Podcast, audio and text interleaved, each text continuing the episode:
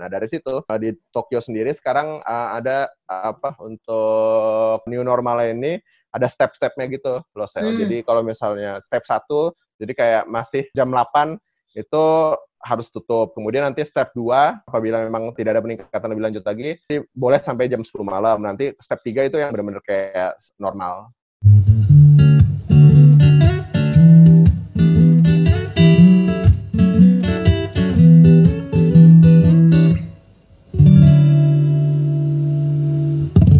Hai, ketemu lagi di Relatif Perspektif Podcast bareng saya Dr. Syala Putri Sundawa. Hari ini kita akan ngomongin masalah COVID-19 di tatanan yang baru ini tentunya banyak harapan kita bahwa semua yang kita dulu rencanakan sebelum pandemi ini terjadi mulai bisa kita kembalikan ke normalnya kembali gitu. Nah, hari ini uh, mungkin kalian sedang wondering bahwa tahun ini kan sebenarnya kita ada yang namanya Olimpiade ya. Akan katanya sih ada Tokyo Olympic harusnya 2020 ini. Cuman karena adanya pandemi ini akhirnya Tokyo Olympic pun harus dimundurkan. Nah, saya penasaran nih, apa sih yang terjadi dengan negara yang awalnya mempersiapkan suatu event yang besar secara internasional untuk uh, suatu kompetisi yang ditunggu-tunggu orang 4 tahun sekali ini, dan bagaimana dia up dengan uh, wabahnya dan seperti apa dia kondisinya sekarang. Nah, hari ini saya ketemu sama teman saya, uh, dia PhD di Jepang di Kobe University, juga dokter yang praktek di sana. Jadi kita akan korek-korek masalah apa aja yang terjadi di Jepang sekarang, kondisinya seperti apa, kemudian bagaimana persiapan pemerintahnya untuk um, normal yang baru ini. Dan hari ini kita akan langsung ngobrol sama Dr. Hilman Zulkifli Amin. Halo Hilman, apa kabar? Halo, halo saya apa kabar? Baik, alhamdulillah. Lo gimana? Alhamdulillah baik. Uh, jam berapa man di sana? Udah malam ya? Uh, hampir setengah sepuluh malam. Wah, oke. Okay. Tetap uh, semangat memberikan pencerahan nih ke kita kita. Siap. Oke. Okay. Siap, siap. Sip. Bincang-bincang santai aja. Ah, uh, siap uh, gue kemarin kan pernah lihat lo ngasih presentasi di oh, oh, oh. Ya, di UI tentang bagaimana Jepang menghadapi uh, COVID-19 ini di sana. Oh, nah, iya, sebenarnya iya, iya. yang gue makin penasaran itu adalah ini uh, bagaimana mereka menyiasati si uh, Tokyo Olympic ini, man. Karena kan dari yang sebelum sebelum ada pandemi ini udah dipersiapkan begitu matang dan awal-awal waktu pandemi bulan-bulan Januari kan mereka bilang oh mungkin kita akan tetap kerjain kita tetap lanjutin gitu. Nah sebenarnya hmm. sekarang keadaan di sana tuh gimana sih man untuk uh, Tokyo Olimpiknya dan semua hal yang berhubungan dengan itu? Oh ya jadi apa Pertama mungkin apa uh, gue jelasin dulu apa situasi sekarang di Jepang gimana uh, terkait pandemi corona sendiri. Mm -mm, boleh. Jadi di sini sih kemarin ada state of emergency ya dari awal sekitar awal April karena ada apa peningkatan tiba-tiba kasus infeksi COVID-19. Nah terus sekitar hmm, satu setengah bulanan itu nggak lockdown sih jadi apa semi kom, nggak nggak compulsory nggak wajib juga jadi cuma sekedar himbauan gitu ke pem, uh, warga untuk uh, tetap stay at home gitu. Mm-hmm. Nah dari situ selama satu setengah bulan himbauan-himbauan gitu, alhamdulillah apa emang karena warga Jepang apa memang budaya gitu ya apa patuh sama apa yang diperintahkan eh, uh, oleh pemerintah, mm-hmm. request pemerintah. Jadi memang uh, hampir uh, terjadi penurunan 80% itu dari apa uh, pergerakan sosial seperti itu. Jadi yang oh, wow. yang make uh, yang make stas, apa kereta, yang make transportasi publik itu turun uh, secara rata-rata turun hampir 80%. Itu yang sesuai ditargetkan pemerintah. Nah, dari situ sejak satu setengah bulan dicanangkannya state of emergency atau yang kalau di Indonesia setara PSBB, mm-hmm. mungkin ada sempat juga jadi berita kan apa yang kayak katanya pemerintah Indonesia niru plek-plek strategi Jepang yang non lockdown dan nggak melakukan pemeriksaan massal kayak Korea gitu. Itu uh, alhamdulillah berhasil di sini. Kasus infeksinya sendiri uh, turun jauh dari yang biasa sehari infeksi positif 100. Ini udah sampai cuma satu digit aja tiga. Oh iya, yeah. wow. Dan itu di apa salah satu uh, terutama uh, patokannya di salah satu kota yang terpadat di dunia kan Tokyo ya. Mm -mm. Itu udah satu digit aja Nah, sejak uh, 25-an Mei itu hmm. sudah dicabut semua state of emergency. Nah, itu sudah mulai yang namanya new normal. Oke. Okay. Uh, nah, yang namanya new normal itu jadi uh, tetap jadi apa? pedomannya yang bisa para pekerja yang bisa melakukan pekerjaan dari rumah tetap dihimbau untuk bekerja dari rumah. Adapun untuk pekerja yang memang harus pergi ke kantor di apa dicanangkan sebaik mungkin bahwa uh, waktu untuk pergi ke kantornya, waktu penggunaan keretanya itu untuk diatur sedemikian rupa supaya tidak terjadi penumpukan penumpang kayak gitu. Jadi di stasiun itu dikasih tuh apa kurva jam segini sampai jam segini paling padat loh. Jadi lebih baik dihindari gitu. Nah dari situ hmm. memang uh, kesadaran warganya tinggi, jadi um, mereka uh, berhasil uh, bisa untuk uh, membagi waktu keberangkatan untuk kerja atau uh, beraktivitas keluar seperti itu. Akan tetapi memang uh, di Tokyo sendiri yang paling padat itu yang sempat jadi berita juga kemarin ini uh, sempat naik lagi jadi sekitar 36 kasus positif mm -hmm, uh, sehari. Uh, lus kemarin lusa dan uh, kemarin 20-an itu mm -hmm karena memang apa jumlah keretanya memang kan segitu segitu segitu aja ya. Mm-hmm. Nah sementara memang walaupun di apa sudah disebar seperti itu, cuma memang tetap ada namanya apa istilahnya kan orang kan kayak waktu tidur gitu kan semua tetap hampir semua sama ya. Jadi mm-hmm. bangunnya otomatis ya sama dan berangkat mm-hmm. kerjanya juga kurang lebih sama. Jadi tetap aja walaupun sudah ada measurement measurement khusus dari pemerintah, cuma tetap ada penumpukan-penumpukan juga yang yang ada di uh, transportasi-transportasi publik yang kemungkinan uh, juga meningkatkan kasus infeksi lagi. Nah, selain itu juga uh, yang paling banyak itu sekitar 30% lebih itu apa dari kegiatan uh, ini ya malam ya. Jadi klub, bar hmm. seperti itu itu yang menyumbang paling banyak angka positif baru. Oh, I see.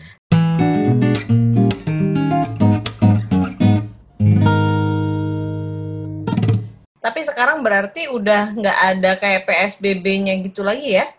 Ya, uh, jadi tapi apa namanya? Uh, karena memang warga Jepang apa ya? Memang budayanya memang kental untuk apa? Berhati-hati begitu. Jadi walaupun istilahnya sudah merdeka gitu dari PSBB, cuma mereka nggak kayak wah langsung tumpah ruah gitu nggak, tapi apa? Berkala gitu, bertahap. Hmm. Hmm, jadi saya sendiri juga kagum sih apa uh, uh, luar biasa sih. Jadi nggak nggak nggak langsung plek apa udah kayak Nggak langsung mallnya penuh gitu ya betul betul wah hebat itu ya jadi tetap pakai uh, suatu kewaspadaan dan hmm. antisipasi gitu ya man ya biar hmm, nggak hmm. makin banyak kasusnya hmm.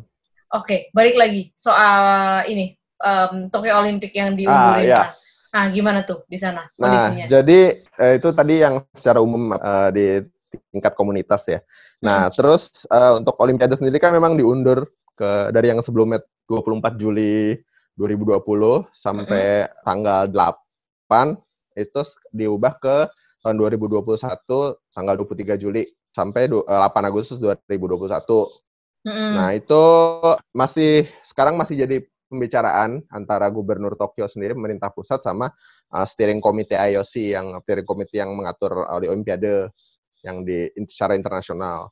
Nah, itu memang ada beberapa wacana. Yang paling kuat itu nomor satu tanpa tanpa penonton. Jadi hanya uh, atlet saja.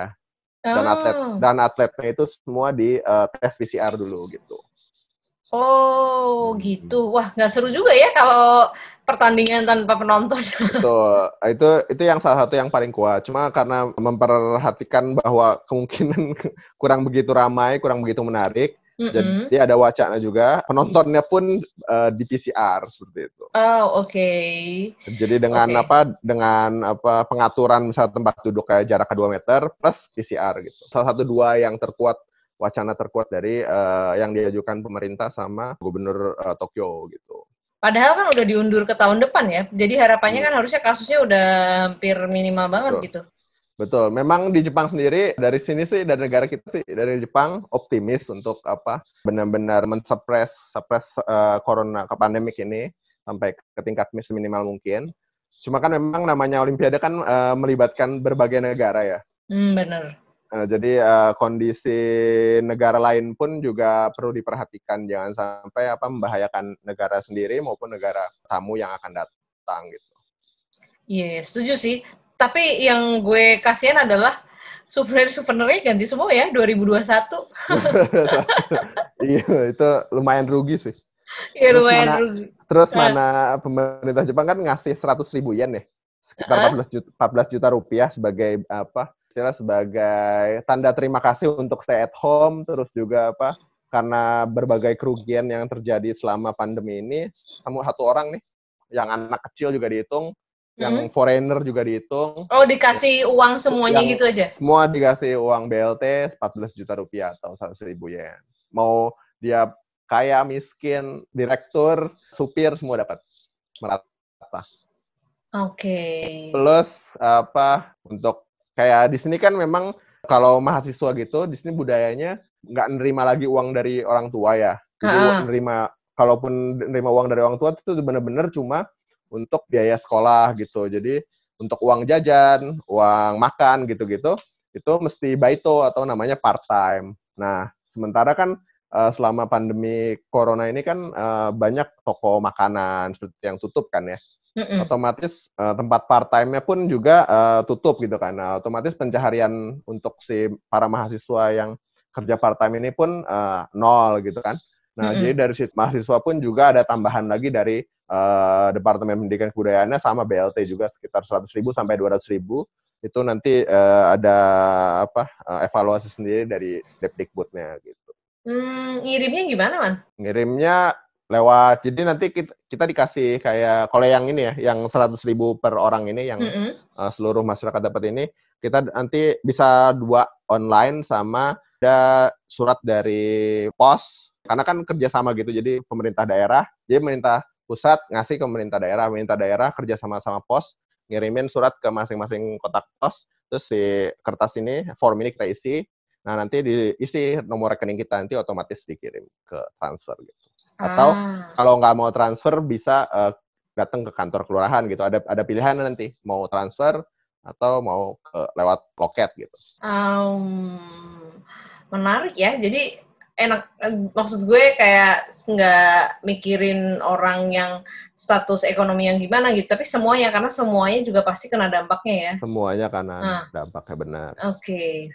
um, moga-moga sih Indonesia bisa tapi nggak tahu deh ini masih mungkin nggak bisa tapi emang orang. ya memang uh, ya banyak pengorbanannya sih karena kan apa kan pasti kan mungkin udah jadi pertimbangan juga dari ahli gitu kan mm -hmm. um, lebih mentingin kesehatan atau lebih mentingin ekonomi atau sebaliknya mungkin ada beberapa negara yang lebih mentingin ekonomi ataupun sebaliknya ada yang mentingin kesehatan seperti itu mungkin itu yang menjadi polemik tapi memang apa yang di luar dari uh, aspek tersebut pemerintah Jepang apa benar-benar mati-matian bahkan sampai berhutang juga cukup hutangnya cukup bertambah selain dari dampak mm -hmm. uh, penundaan olimpiade terkait bantuan-bantuan ini yang mana bantuan-bantuan ini sampai lebih dari 20% GDP atau gross domestic product Jepang.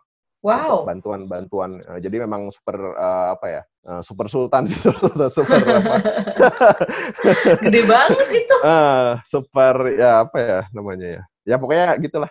Benar-benar hmm. memberikan maksimal semaksimal mungkin meskipun berhutang sana sini. Hmm, I see.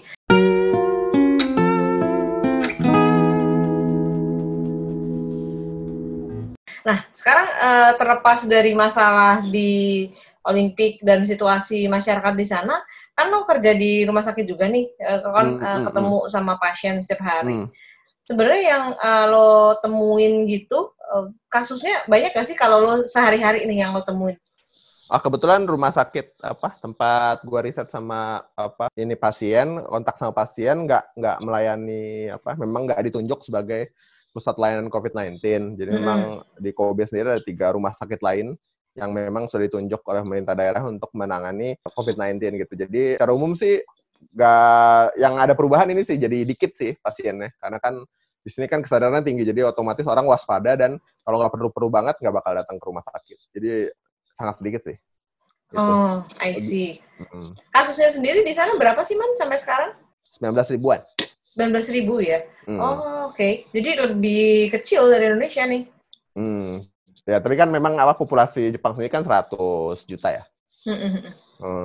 Indonesia kan Emang... kan hampir hampir 300 kan. Jadi hmm. hmm ya ya nggak bisa jadi ini juga sih nggak bisa jadi alasan juga cuma ya uh, apa proporsi-proporsi begitu kan juga perlu diperhitungkan.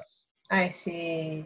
Tapi uh, berarti secara layanan kesehatan gitu, ada nggak dia sampai bikin tambahan rumah sakit gitu? Misalnya di Indonesia kan bikin tuh ada oh. tambahan wisma atlet gitu. Kalau di sana ya, ada iya. nggak? Ya. Kan memang uh, dari COVID-19 sendiri kan gejalanya ada ringan, sedang, berat gitu ya. Mm-hmm. Nah, untuk pasien yang uh, ringan sendiri ada apa tempat isolasi mandirinya itu jadi uh, pemerintah daerah bisa menunjuk hotel ataupun uh, hostel ataupun wisma untuk dijadikan tempat isolasi gitu. Jadi dengan keadaan uh, state of emergency itu pemerintah daerah punya wewenang untuk mengubah hotel ataupun wisma menjadi tempat isolasi. Hmm. Uh, mandiri gitu. Nah, terus untuk apa pelayanan di rumah sakit sendiri juga uh, ada peningkatan bed terutama yang di instalasi ICU terus juga sama di ruang isolasi infeksi khusus gitu di apa hmm. rumah sakit yang telah ditunjuk uh, untuk menangani COVID-19 di Jepang. I see. Hmm. Dan berarti di sana memang dengan state of emergency ini sedemikian rupa fasilitas-fasilitas yang lain itu menjadi fasilitas pendukung untuk layanan kesehatan betul, ya? Betul, betul, betul. Oke. Nah, kalau yang kayak apa namanya jam malam gitu sampai sekarang kan udah berkurang nih oh, angkanya. Oh. Masih masih diberlakukan gitu nggak sih? Oh, emang jadi kalau di apa istilahnya yang kalau di Indonesia zona merah gitu ya. Kalau di mm -hmm. Jepang kan zona merah yang pokoknya yang jadi sebenarnya ada di Jepang itu ada 47 prefektur. Ada kayak provinsi gitu. Nah, awalnya itu yang di apa paskan dari PSBB atau state of emergency itu ada 39 prefektur. Ada 8 prefektur karena yang masih istilahnya cukup meningkat di sekitar uh, awal dan tengah Mei itu masih belum dicabut. Nah, baru terakhir terakhir uh, lima provinsi termasuk Kobe juga kan ada mm-hmm. di daerah Kansai itu dicabut. Mm-hmm. Nah, baru yang tiga terakhir itu Tok Tokyo, Kanagawa, pokoknya yang sekitar yang sekitar Tokyo itu baru yang paling terakhir dicabut karena memang apa peningkatan karena yang paling padat ya. Jadi mm -hmm. peningkatannya cukup cukup uh, signifikan walaupun uh, sudah dilakukan state of emergency. Nah dari situ uh, di Tokyo sendiri sekarang uh, ada uh, apa untuk uh, new normal ini ada step-stepnya gitu loh saya. Mm. Jadi kalau misalnya step satu, jadi kayak masih uh, jam 8 itu harus tutup. Kemudian nanti step 2 uh, eh, apabila memang uh, tidak ada peningkatan lebih lanjut lagi uh, nanti boleh sampai jam 10 malam. Nanti step 3 itu yang benar-benar kayak normal kayak dulu hmm. cuma dengan uh, approach uh, misalnya semua harus pakai masker, kemudian apa ya itu tadi social distance 2 meter, kemudian apa partisi plastik atau kaca gitu. Ada semua layanan. Uh, jadi memang sekarang sih di step 2 sih. Oh, step 2 ya. Karena Sudah kan, hampir. karena uh, karena uh, karena sekarang masih naik turun nih jumlah infeksinya. Mm -hmm. Jadi kalau misalnya memang apa ternyata nanti makin meningkat lagi, mungkin memang nggak balik sih ke state of emergency, cuma untuk ke step 3 belum dulu. Jadi tetap di step 2 dan dilakukan apa penanganan di apa uh, tingkat komunitas, jadi dengan melibatkan berbagai tim, epidemiolog segala macam untuk tracing infeksi kemudian untuk setelah berhasil ditekan infeksinya baru nanti mungkin pelan-pelan ke naik ke step 3 dan kembali ke new normal itu tadi ya. I see. Terus kalau sekarang kan step 2 nih untuk perkantoran, pers, apa hmm, hmm. perkuliahan, hmm. sekolah gitu udah boleh mulai masuk lagi apa gimana?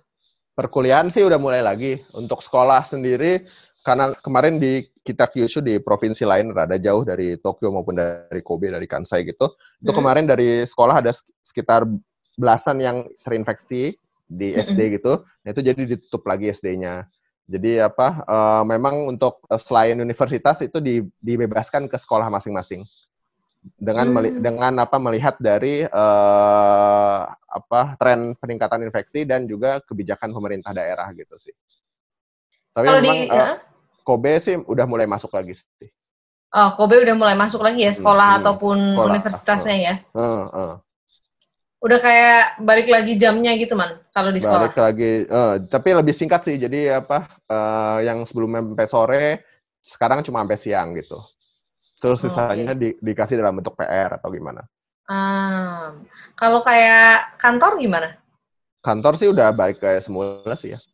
Udah balik semula ya? Balik okay. semula. Tapi memang apa uh, untuk kantor-kantor uh, yang kayak IT gitu yang bisa dilakukan kerja dari rumah memang uh, dari pihak uh, pengelola perusahaan sendiri memang sudah apa membuat kebijakan baru bahkan sekitar hanya 30% kar karyawan yang masuk sisanya work from home gitu. Hmm, oke. Okay. Jadi yang apa benar-benar kerja di uh, tingkat information and technology gitu yang uh, terkait apa uh, keamanan uh, digital, kemudian uh, apa uh, bank gitu, keuangan finansial digital itu semua sebagian besar sih lebih dari 50% work from home. Jangan lupa, kalau kalian suka dengan episode podcast ini, follow podcast kita dan share ke teman-teman kalian yang lain supaya mereka juga bisa mendapatkan manfaat seperti yang kalian juga dapatkan. Jangan lupa juga untuk follow Twitter saya at Oxfara. Di situ kalian bisa mendapatkan banyak info kesehatan dan juga update setiap episode barunya Relatif Perspektif Podcast. Di Instagram kita juga ada di relatif perspektif. Sampai ketemu di episode selanjutnya. Bye.